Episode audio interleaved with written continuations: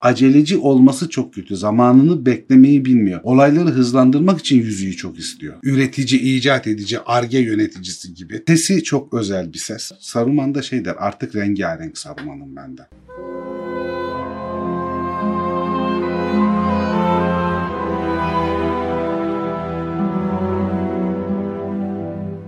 Merhaba Zafer abi. Merhaba Dilek. Merhaba Cem. Merhaba. Pardon boss mu demeliydim? Fark etmez. Selam patron. Merhaba Zafer abi. İş esnasında boss diyoruz. Zafer abi yalnız yarın bir gün şey yapabilir. Bana normal hayatta da boss diyerek hitap edin diyebilir. Ben o potansiyeli görüyorum kendisinden. Kucağına kedi alıp sevmeye başladığından beri ben de tedirginim yani. Randevuyla falan görüşecek olabiliriz yani. Neyse bu mevzuyu kapatalım ciddiye alır şimdi gerçekten yapar. Yani. O yüzden kapatalım abi. Zafer abi bu hafta karakterler bölümünde Saruman'ı işliyoruz. Doğum tarihi falan tıpkı Gandalf'ta olduğu gibi veremiyoruz. Çünkü bütün Aynur'la beraber yaratılmış zamansız zamanlarda Orta Dünya Ea yokken yaratılmış ruhlardan biri. Bu da Sauron gibi Aule'nin Mayalarından biri. Vala değil Maya ama güçlü önemli Mayalardan birisi. Batıdayken de güçlü Mayalardan birisi ve Orta Dünya'ya geçmeye heveslilerden birisi. Saruman denmeden evvel isimleri var tıpkı Gandalf'ın Olorin olması gibi. Batı'da ona şey diyorlar Koyanyaca Kurumu diyorlar. Kurumu da becerikli, üstün yetenekli anlamına, el becerisi çok gelişmiş anlamına geliyor. Sinder incisi de Kurinir. Kurinirlan deniliyor hatta. Beyaz becerikli adam, beyaz eli yatkın, maharetli usta anlamına geliyor ki bu zaten yani hakikaten Saruman'ın becerisine karşılayan doğru bir şey. Yani isim mi sıfat mı belli olmayan bir şeye dönüşüyor. Yani hakikaten onu sıfatlayan, tamamlayan bir isim. Bu konsey toplanıp, Valar konseyi toplanıp da Orta Dünya'ya Sauron'un güçlenmesine karşı İstarilleri göndermeye karar verildiğinde bu Saruman direkt ben giderim diyenlerden. Hatta gidebilmek için şeyi de kabul ediyor. Yavanna'nın manyası olan Radagast'ı da yanında götürmeyi kabul ediyor Yavanna'nın ricası üzerine. İki tane mavi büyücü ve zorla biraz itekleyerek Gandalf'ı gönderiyorlar. Beşi 3. çağ 1000 yılında Orta Dünya'ya çıkıyor. Çıktıkları sırada İsraillerin başı durumunda en güçlüsü durumunda Saruman var. Abi peki burada hangi bölümü hatırlatacağız? Orta Dünya'da büyü. Orta Dünya'da büyüdü evet Ben- İsraillerden bahsettik. Çok akıllı, cin gibi başarılı bir şey Maya ama sürekli olarak aslında böyle bir hırsa da sahip. Kirda'nın Narya'yı Gandalf'a verdiğinden de haberi var. Daha o zaman Gandalf'a gıcık olmaya başlıyor. Çünkü bu şeyin en bilgesi, en güçlüsü benim. Neden Gandalf'a veriliyor diye. O zamandan Gandalf'a hırsı var. Hatta Valar konseyinde Varda'nın 3. sırada ama 3.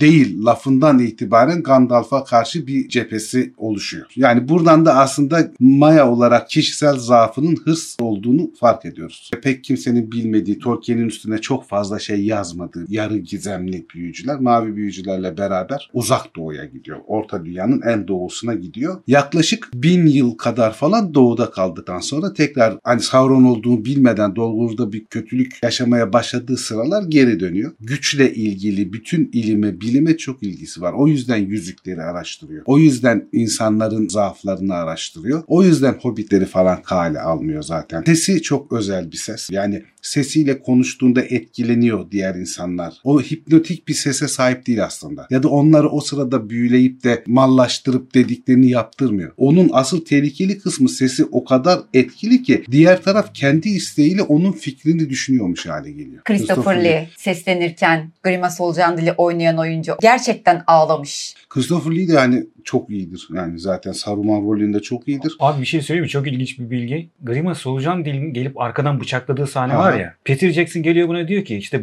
rolün böyle böyle yapacaksın diyor. Meğersem Christopher Lee İngiltere'nin eskiden özel harekattan. Diyor ki adamı bıçaklarsan öyle olmaz diyor. Böyle olur diyor. Ondan sonra rolü düzeltiyor diyor ki böyle yapılması gerekiyor diyor ve Christopher Lee'nin söylediği şekilde kaydetmiş. Gibi Yani o sesli. bıçaklanma sahnesini kurgulayan ve oyunu böyle olması gerektiğini söyleyen kişi de Christopher Lee'miş. Ya filme bayağı starlar da katkı vermişler. Ya artık kaç tane adam bıçakladıysa.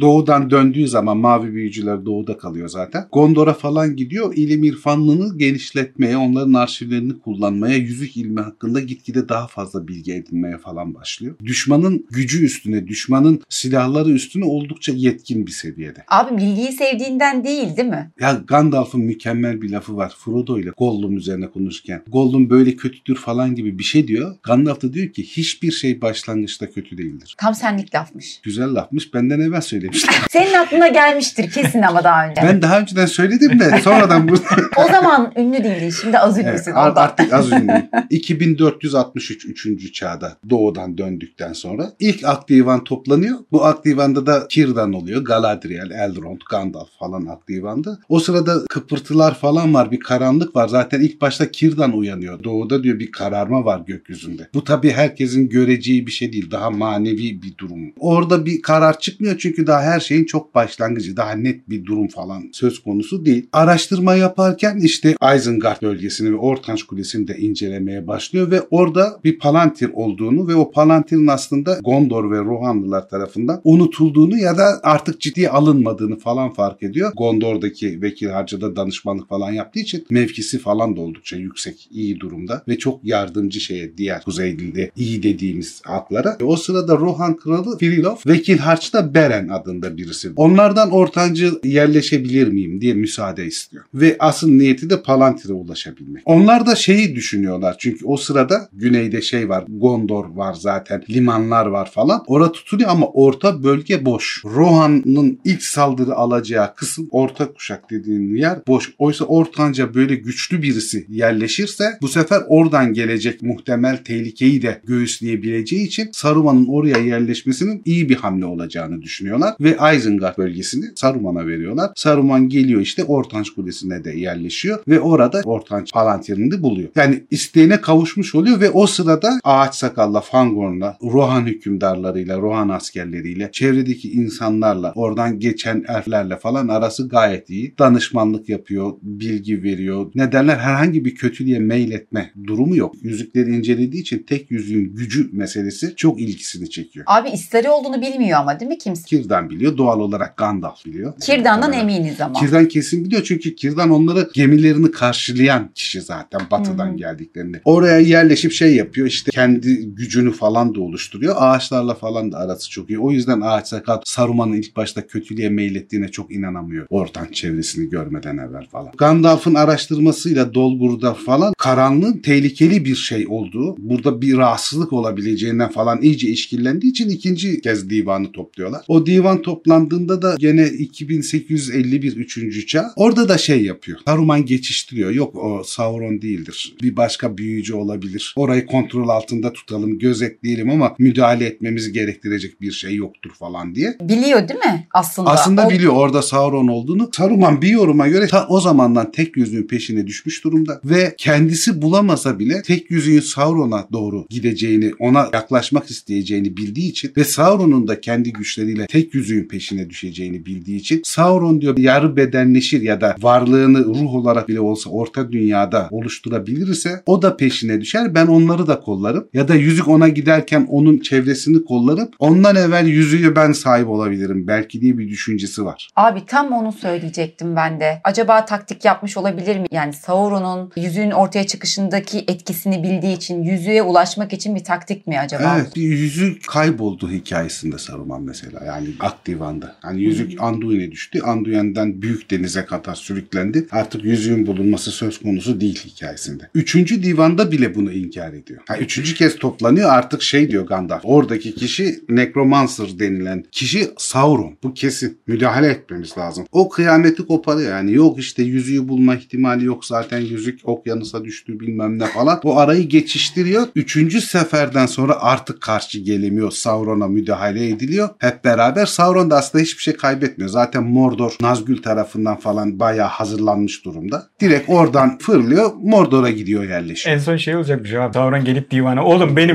Benim kart vizitimi buyurun diye böyle. Ha, o konuda çok inat ediyor. Galadriel'le araları hiç yoktur. Çünkü Galadriel pek hoşlanmaz Saruman'dan. Onun kibrini görür. Kibrinin onu hataya sürükleyeceğini de düşünür. Galadriel olgun kişi olarak asıl isterilerin başı olarak Gandalf'ı ister. Gandalf da şey der yani ben bir yere bağlı olamam. Benim yerleşimim olamaz. Benim tek bağlılığım Valar'a aittir ve Ilúvatar'a aittir. O yüzden de divan başkanlığını bana verilmesini istemem. Ama o sırada şey de yapar Saruman. Galadriel'in benim ayağımı kaydırıp Gandalf'ı divan başkanı yapmaya çalışıyor falan diye Galadriel'e de bir mim işareti koyar yani. Yalnız Gandalf'ı aynı zamanda da taklit de eder. Gandalf pipo düşkünüdür. Çok sever pipoluyu. Ve o yüzden de en iyi tütünler olan işte şair bölgesi tütünleri, Güney Dirhem tütünlerini falan kullanır. Bu da Gandalf'tan heves eder, bir iki içer falan. Bu da müptelası olur. Hobbit bölgesiyle Şair'la ticarete başlar. Tabii bunun iki açılımı var. Hem kendi ihtiyaçlarını karşılamak açısından Hobbit bölgesine tütündü, yiyecekti bilmem neydi. Çünkü bereketli topraklardır. Çok iyi ürünleri vardır Hobbitlerin. Ve Hobbitlerin hemen hepsi çok iyi çiftçilerdir zaten. Hem o açıdan önemli hem de Gandalf oralarda neyin peşinde, ne oluyor falan diye işkillenir. Çünkü Gandalf'ın ne kadar güçlü, akıllı bir bilgi olduğunu bilir. Radagast da aptal falan der ama Gandalf'ı çok ciddiye alır her zaman. O da hani Gandalf oralarda ne iş, niye bunlarla uğraşıyor? O bölgeyi casuslarıyla da doldurur zaten Brienne'de falan. Saruman'ın casusları da çok fazla vardır. Özellikle insanlarda. Şöyle küçük bir bilgi vereyim. Orada Saruman'ın casusu olarak bulunan insanlar dediklerimize Saruman'ın aslında ork kanı da aktardığı, onların böyle ork kanıyla başka bir şekilde güçlenmiş, duyuları gelişmiş, daha az uyuyan, daha uzun süre hareket edebilen, daha güçlü bir yapıya sahip oldukları da söylenir. Saruman'ın önemli özelliklerinden birisi de 1950'lerde başlar genetik incelemelerin asıl şeyi. İşte bunların yazıldığı zamanlar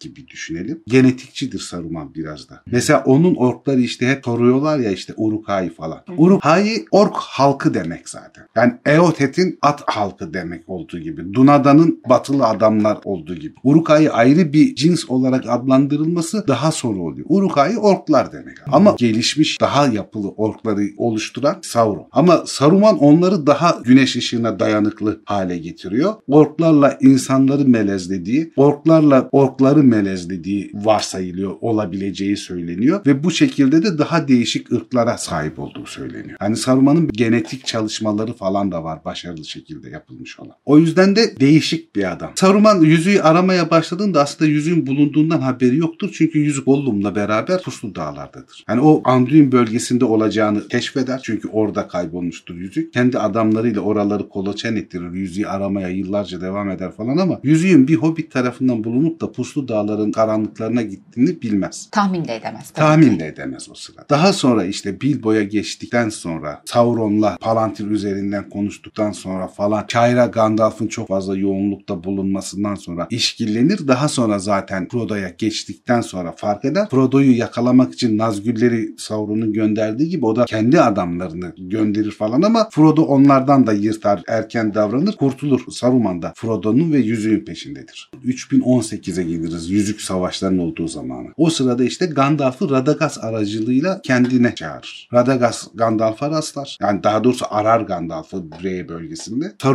seni çağırıyor der. Saruman seni çağırıyor dediği için de Gandalf oraya gider ama gittiğinde kapının ağzında bir durur. Isengard geçtiğinde. Bir şeyin ters olduğunu fark eder. Hiç gitmeyeymiş keşke. Ben olsam gitmem. Ama o zaman bilmiyor Saruman. Ama işkilleniyor.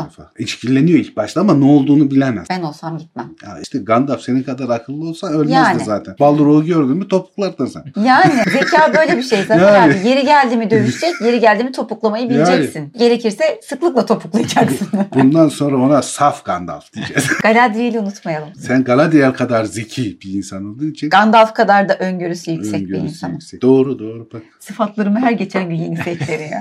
Bunlara elf kelimeleri bulman lazım. Zafer abi ciddi. Evet. Dileğin özelliklerini saymak için. Evet abi o Ya da var. bu bir şey olursa şu sıcaklardan bir kurtulursam harbiden bulayım ya. Bir programı sana. da öyle açarız. Evet. Şeyleri- Dileğin özellikleri diye başlarız bunu anlatırız. Karakterler Kara- bölümünde? Karakterler bölümünde. Tamam abi. Dilek the Grey.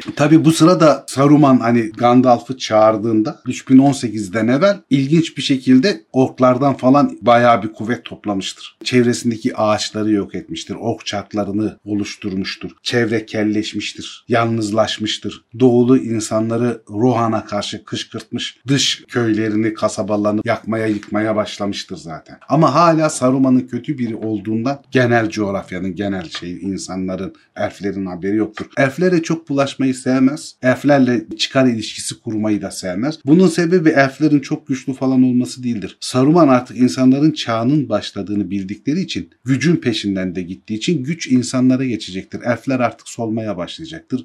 Terk edeceklerdi orta dünyayı. O yüzden elflerden müttefi güvenilir bulmaz uzun vadede. Nasıl olsa elfler gidecektir. Galadriel'den zaten kişisel olarak hoşlanmaz. Gandalf içeri girdiğinde Saruman teklifte bulunmuş. Güçler değişti. Başka bir dünya var. Bu senin bildiğin dünya değil. Öyle bir güç yükseliyor ki doğudan der Sauron için. Bu güç hepimizi alıp götürecek. Tek şansımız onun yanında olmak ya da onu yenebilmektir. Yani yüzüğü ele geçir. Gandalf tabii ki şey yapmaz. Yani bunu kabul etmez. Beyaz Saruman değişmiş der. Saruman da şey der artık rengarenk Saruman'ım bende. Üstündeki beyaz şey vardır. Ne derler ona? Uzun Entarisi. entarisi vardır ama yürüdüğü zaman böyle janjanlı bir şekilde değişir üstündeki renkler falan. Artık kötü tarafa geçtiğini anlamış olur Gandalf'ta. Aralarında bir kavga olmaz filmdeki gibi. Kendi adamları ortancın en tepesine çıkartıp orada mahkum ederler Gandalf'ı. Saruman da yüzüğü müzüğü aramaya ve ork ordusunu genişletmeye devam eder. Şurada bir soru işareti var bence. Sadece filmi izleyenler Saruman'ın sadece Sauron'a hizmet ettiğini düşünüyorlar. Hmm. Burada bir yanılgı oluşuyor. Saruman'ın tek derdi yüzük. Aslında kendisi için istiyor. Oradaki şöyle bir değişim var. Saruman ilk başta zaten iyi. Valar tarafında. Uzunca bir sürede böyle. Hatta kötülüğe neden olduğu zaman bile düşüncesi şu. Tek yüzüğü ele geçirirsem Sauron'u da yok ederim. Burada düzgün bir dünya düzeni kurarım. Başkanı ben olurum ama orta dünya kurtulmuş olur. Yani aşırı iyi niyetli olmak da kötü sonuçlara neden olur. Ama en başta şey diyor. Yüzüğü erken bulursam Sauron'u yenebilirim. Ben çok yetenekliyim. Sauron'la denk olabilirim. İkimiz de Aule'nin mayalarıydık. Demek ki aramızda bir rekabet olur. Kimin kimi yiyeceği belli olmaz gibi bir düşünceye sahip. O zaman hırs burada Çok hırslı daha etkili. ve aceleci. Aceleci olması çok kötü. Zamanını beklemeyi bilmiyor. Olayları hızlandırmak için yüzüğü çok istiyor. Yalnız şöyle bir durumla karşılaşıyor. Palantiri kullanırken Sauron'la yüz yüze geldiğinde Sauron'un yanında bir çocuk kaldığını anlıyor. Öyle bir korkuya kapılıyor ki Sauron onu öyle bir eziyor ki kendi erkiyle. Artık onu yenebileceğini yüzükle bile çok emin olamaz hale geliyor. Yüzüksüz hiçbir şansının olmadığını anlıyor. O zaman da korku içinde Sauron'un dediklerini yapar hale geliyor. Bana güncel dünyadan birilerini hatırlatıyor ama. Tarihte böyle şeyler vardır yani güç zehirlenmesi dediğimiz durumlar sıklıkla olur yani. Sıklıkla. Sıklıkla olur. Ve hatta şey oluyor orada filmi izleyen arkadaşlar pek bilmez kitabın da dikkatsiz okuyucusu bilmez. Sauron'un bunu bu kadar ezdikten sonra korkudan dolayı bir pişmanlık duyup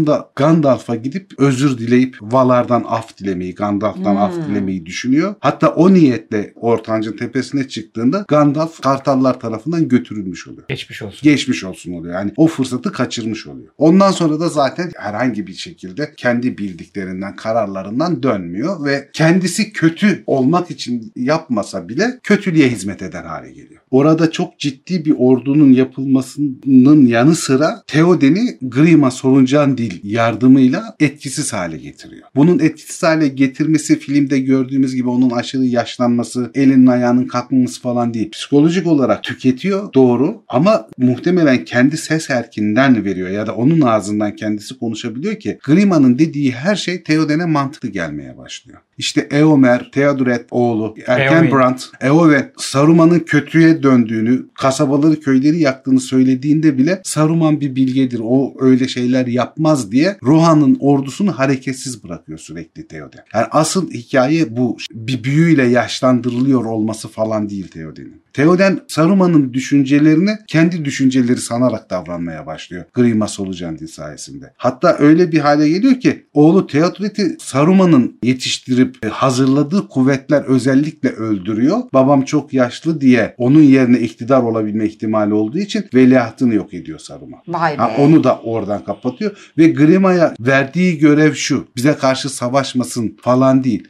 Ordusunu hareketsiz tut. Ne doğuya ne batıya yardımda bulunmasın. Atıl kalsınlar.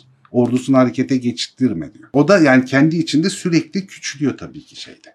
Rohan'da. Ve kötüleşiyor. Psikolojileri bozuluyor. Yani yenilgi mantalitesine kavuşmuş oluyor halk falan da. Kraldan soğumaya başlıyorlar falan. Çok etkili bir yöntem yani. Sauron bölümünde anlatmıştık. Kralı dolduruyordu, dolduruyordu. Neydi o kralın Arfarzon. adı? Heh, Arfarzon. Arfarzon. Aynı taktikle nesiller boyu güven. Danışmanlar etkili oluyor tabii. yani. Aynen. Yani yanında kimi tuttuğuna çok dikkat et diyorsun Zafer abi. Evet Cemcim. Evet Cemcim.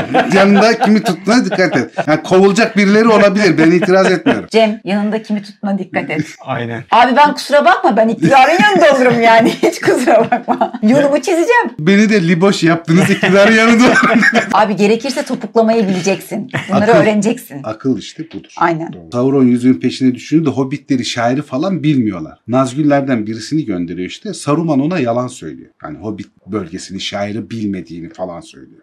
Ama daha sonra bu Palantir ile Sauron'la konuşurken o yalan da Nazgûl üzerinden ortaya çıkıyor. Bu sefer iyice korkuya kapılıyor. Sauron'un her dediğini yapmaya başlıyor bu sefer. Korkudan yani. Korkudan. Yani çünkü hayatta kalmak, iktidar olmak falan yani belli ideallere aşırı bağlılık aslında kişisel zaafları oluşturduğu gibi kişisel zaafların olduğunu da gösteriyor. Bir turnusol kağıdı gibi. Yani bağımsız olabilmek için biraz az şeye sahip olmak gerekiyor diyelim. Çok da sert çıkmayalım. Çünkü liboş olmak Yani. bunu gerektirir. Çok şeye sahip olan arkadaşlarımız olabilir. Kalplerini kırmıyorlar. Hepiniz bizim canımızsınız.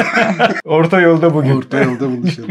Artık Fangorn'un tepesi atıyor bütün ağaçları falan yok ettiğinde falan. Büyük ordusunu da şeye göndermiş oluyor. Miğferdi bir savaşına göndermiş oluyor orklarını, uruklarını. Ve o savaş sırasında da baskın yiyor Entler tarafından. Entler bütün bölgeyi temizliyorlar ve Ortanç'a kilitlemiş oluyorlar Saruman'ı da. O savaşı kaybetmiş oluyor. Miğferdi bir savaşı kaybediliyor. Saruman'ın orada bütün askeri gücü tamamen tükenmiş oluyor. O sırada da Gandalf ak büyücü olarak geri dönmüş oluyor. Ortanç da Saruman'la konuşurken Saruman gene şansını deniyor. Hatta Rohanlılar üstünde etkisi de oluyor sesini. Gandalf'ın üzerinde etkisi oluyor mu bilmiyorum ama Gandalf da sessiz kalıyor. Gimli işte orada sesini kullanmasına izin vermeyin diyor. Gandalf sesini dinlemeyin falan diyor. Orada da asasını kırıyor ve tarikattan attığını söylüyor Saruman'a. Saruman o sırada resmen küçülüyor yani. Çünkü asa kırılıyor. Güçlerinin büyük bir kısmını kaybetmiş oluyor. Kendi yaptığı kötülüklerin de farkında. Aşırı gururu yüzünden aman da dilemiyor. Ki Gandalf hiçbir zaman Saruman'a saygısızca davranmaz aslında. Bütün hikaye boyunca. Kötü olduğu zaman bile. Onun zamanda ne kadar güçlü, ne kadar önemli biri olduğunu hep bilir. Asa muhabbetini büyü bölümünde anlatmıştın Evet. abi. Herhangi biri asasını kırarsa Sa- o tarikattan atılır. Tarikattan atılıyor. Yani o tarikat simgesi gibi bir şey. O zaten artık rengarenk Saruman olduğu için, renklerin tamamına sahip olduğu için, beyaz olmadığı için biraz da ve Gandalf çok güçlü döndüğü için ölümden artık Gandalf lider pozisyonuna geçer. Hatta Saruman'ı yakalamak falan da isterler. Gerek duymaz Gandalf. Fangorn'a ve adamlarını Entlere tembih eder. Siz onu burada tutun. Hala onun normal kişilere göre çok daha fazla erki var. Bütün ezilmişliğine, yok olmuşluğuna, kaybetmişliğine rağmen. Saruman gibi bir Arif öyle kolayla bütün güçlerini kaybetmez. Şu anda çok kötü durumda olsa bile birçok sıradan insanı etkileyebilecek kadar güçlü diye de uyarır Entleri. Fangorn şey der tamam biz onu sen dönene kadar kulede hapsedeceğiz. Dışarı çıkamayacak falan der. Sonuçta yani Gandalf gene dediği gibi olur. Hani o kuleden de kurtulacaktır Saruman. Sesi sayesinde ve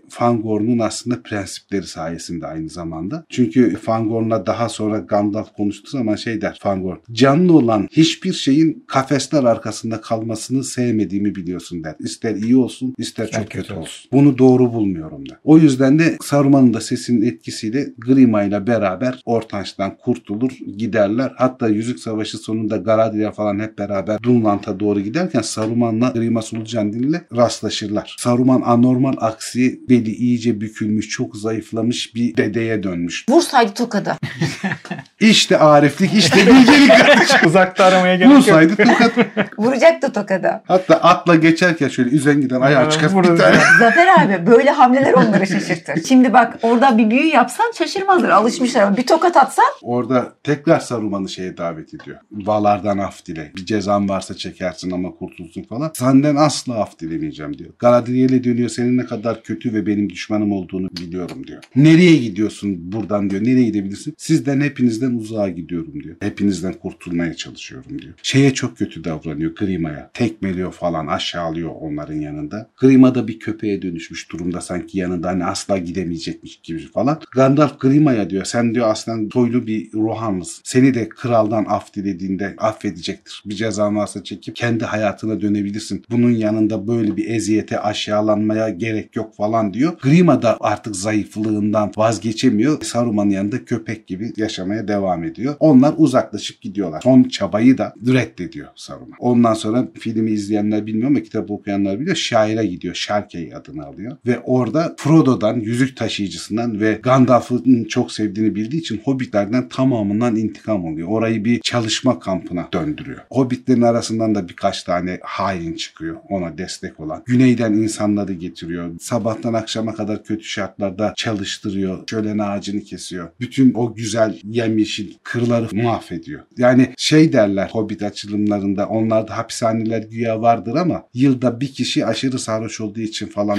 içeride uyumaya falan gelir. Yani hiç suç oranı falan yoktur aslında Hobbit'lerde. Ama ağzına kadar dolu. Bayağı kişi falan da o eziyetten cezalandırmaktan ölüyor falan yani. Çok kötü bir yer. Cehennem gibi bir yere geliyor. Ta ki Frodo, Merry, Pippin ve Sam gelip kurtarana kadar bayağı zarar veriyor şeye şair bölgesine. Yakıyor, yıkıyor yani. Ork şartları falan yapıyor yani. Ork dönüştürme çalışmalarına falan orada da devam ediyor. Tam bir sanayi insanı. Evet tam bir sanayi insanı. Saruman aslında Tolkien'in kafasında hani Isengard sanayi odaları hikayesindeki gibi yani Ha. hakikaten sanayicidir. Onlara da selam olsun. Onlara Çok da selam olsun. Çok yetenekli arkadaşlar hakikaten. Aynen. Yani severek ve gülerek takip ettiğimiz bir sayfa mıdır onlar? Evet, Sayfa. Facebook Sayfa, sayfası Facebook sayfası herhalde. En sonunda bu Merry Pippin bilmem ne son savaşta kazanıyorlar. Hatta Saruman Frodo'yu öldürmeye çalışıyor. Son anda Frodo kurtuluyor. Okçular Saruman'ı oklayıp öldürecekler hobbitler. Durduruyor. Öyle bir güce sahip ki diyor bu adam bundan çok kısa süre evvel. Biz ona öldürmeyi değil elimizi kaldırmayı bile düşünemezdik. Bu kadar güçlü, bu kadar iyi bir Arif'i bizim öldürme hakkımız yoktur diyor. Dokunamayız diyor. Varsın gitsin yoluna diyor. Canını bağışlıyor ama solucan din artık burasına gelmiş durumda aşağılanma bilmem ne. Saruman da son tuttuğu yeri de kaybettiği için boğazını keserek Saruman'ın bedensel olarak öldürmüş oluyor. Yani filmde Saruman'ın ölmesi hikayesi kitapta öyle değil. Öyle değil. İkinci filmin sonuna Evet doğruydu ikinci herhalde, filmin sonunda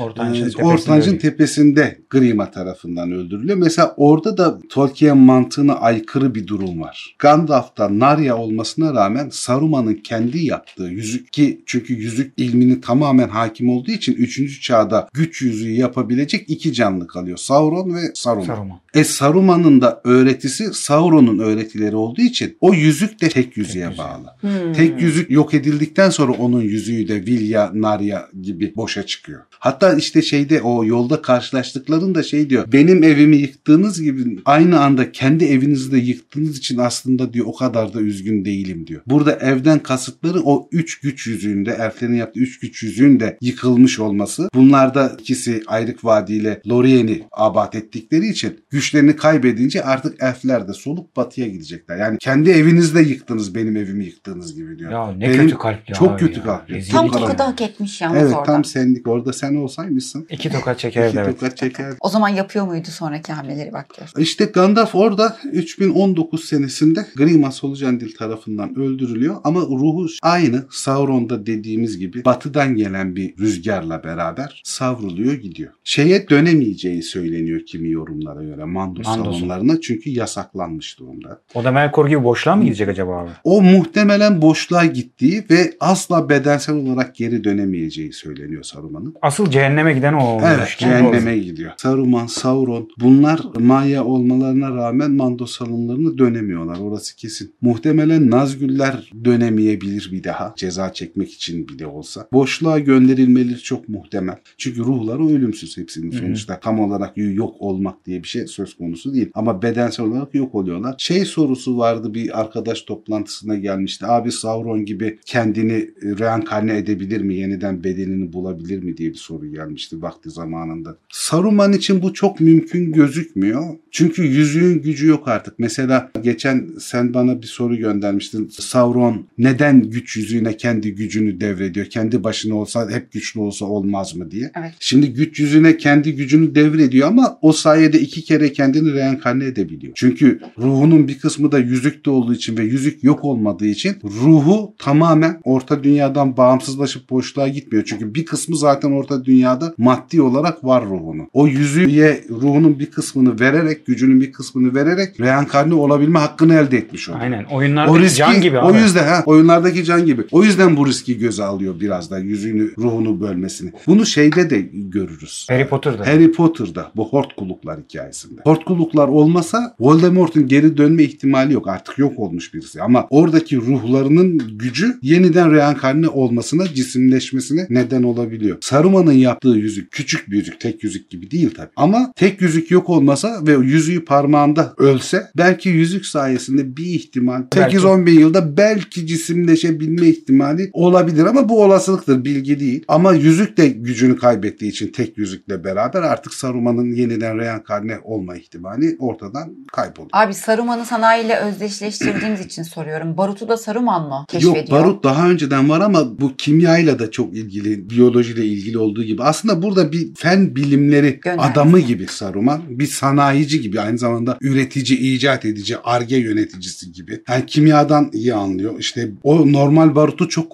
kuvvetlendirmiş olması lazım. Çünkü devasa yekpare bir kaya Kaya gibi. bloğunu. Onları patlatabilmek çok kolay değil. yani. Dinamit haline getirmiş. Ha, dinamit gibi bir şey yaratmış olması lazım. Ya da yani o barutu çok kuvvetli bir hale getirmiş olması lazım kendi bilgisi, becerisiyle. İstediği mekana bir anda dahil olabiliyor görünmeden. Onu da şeyde görürüz. Merry ile Pippin'i kovalarken işte üçlü, üç avcı, Gimli, Legolas, Aragorn, Fangorn'un dibinde kamp kurarlar. Orklar öldürülmüştür, Eomer gitmiştir, dinlenirler. Bir aksakallı birini görürler. Hatta Aragorn şey der. Hatırlarsınız babalık açsan gel bir şeyler ye falan der. O bir anda yok olur. Aragorn'un, Gimli'nin, Legolas'ın geldiğini de o şekilde öğrenmiş olur Saruman. Saruman. Bir de uzaktan olaylara müdahale gücü de çok gelişmiş. Filmlerde arkadaşlar görür. Ortanç Kulesi'nin başında Karatras geçitinden geçerken bizim yüzük kafilesi yıldırımlar çaktırıp karları önlerine düşürür. Ondan sonra şey der Aragorn'la Gimli falan konuşurken uruklara yetişemiyoruz. Sanki birisi ayaklarımızdan geri çekiyor. der. Onun sebebi de şeydir. Saruman'ın uzaktan olaylara müdahale edebilme gücü olduğu için 3 savaşçıyı Aragorn,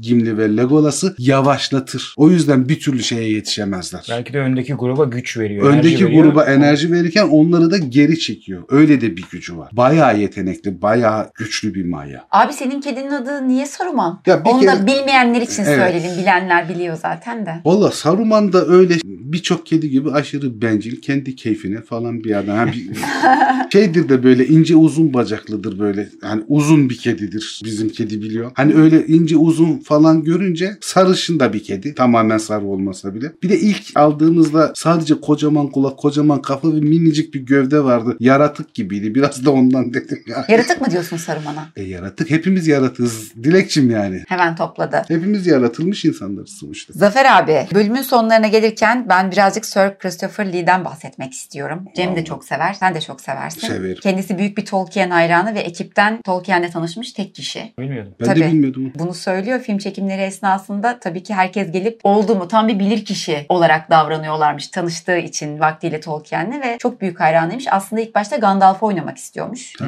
Çok istemiş ancak yapımcının kararı tabii ki başka Ama olmuş. şeye çok uymuş Saruman'a. Bir de oyunculuk kariyerinde, korku filmlerinde, Tabii. kötü adam rollerinde sıklıkla boy gösterdiği için stüdyolar tehlikeye atmıyorlar işte. Ya şey yapıyor bir de yani Saruman'ın fiziki tarifine çok Yapısı uyuyor. çok Düz siyah saçlar, belirgin bir burun, Ses. ses güçlü ve zaten adam. bas, gözler geride ve koyu renk. Yani bayağı fizik olarak tutuyor Saruman'ı. Saruman'ı. O yüzden hani şaktanak uymuş adam yani. Zaten Sir Christopher Lee de en uzun ve en çok başrol oynayan kişiymiş. Guinness Rekorlar kitabına girmiş. Hadi Boy, mi? evet o boyla en çok başrol oynayan kişi olarak. Son bir şey ben bunu gördüm çok beğendim sizin de hoşunuza gideceğini düşünüyorum. Sesinden bahsettik Sir Christopher Lee'nin. Hurnin Çocukları kitabının sesli kitap var YouTube'da. Sir Christopher Lee kendisi okumuş. Parça parça bulabildim ben. Eskiden varmış tamam ama kaldırılmış. Çok güzel okuyor gerçekten. Güzel ama Onu da- İngilizce diyorsun. Güzel ama İngilizce, İngilizce tabii ki bileceksin İngilizce. Tolkien hayranı olduğunu buradan da zaten Aynen. çıkarabiliriz. Çok güzelmiş gerçekten. Abicim verdiğin bilgiler için teşekkür ederiz. Keyifli bir bölüm oldu. Taktikleri unutmayalım. Kaçacaksın, vereceksin tokadı Evet. gerekli yerde. Bunları ayarlayalım. Bunları ayarlayacağız. Zaten bir yüzük kardeşliği yaparsak seni liderimiz olarak Herhalde. seçeceğiz. Aynen. Senin peşinden gideceğiz. Ama ben kaçarım. Biz Onu de, biz de kaçmayı deneriz. Diyorum bak taktik. Kaçacaksın. Sen kaç de dağılalım. Süper fikir. Tamam abi. Görüşürüz. Görüşürüz abicim. Hadi görüşürüz. Herkese selam.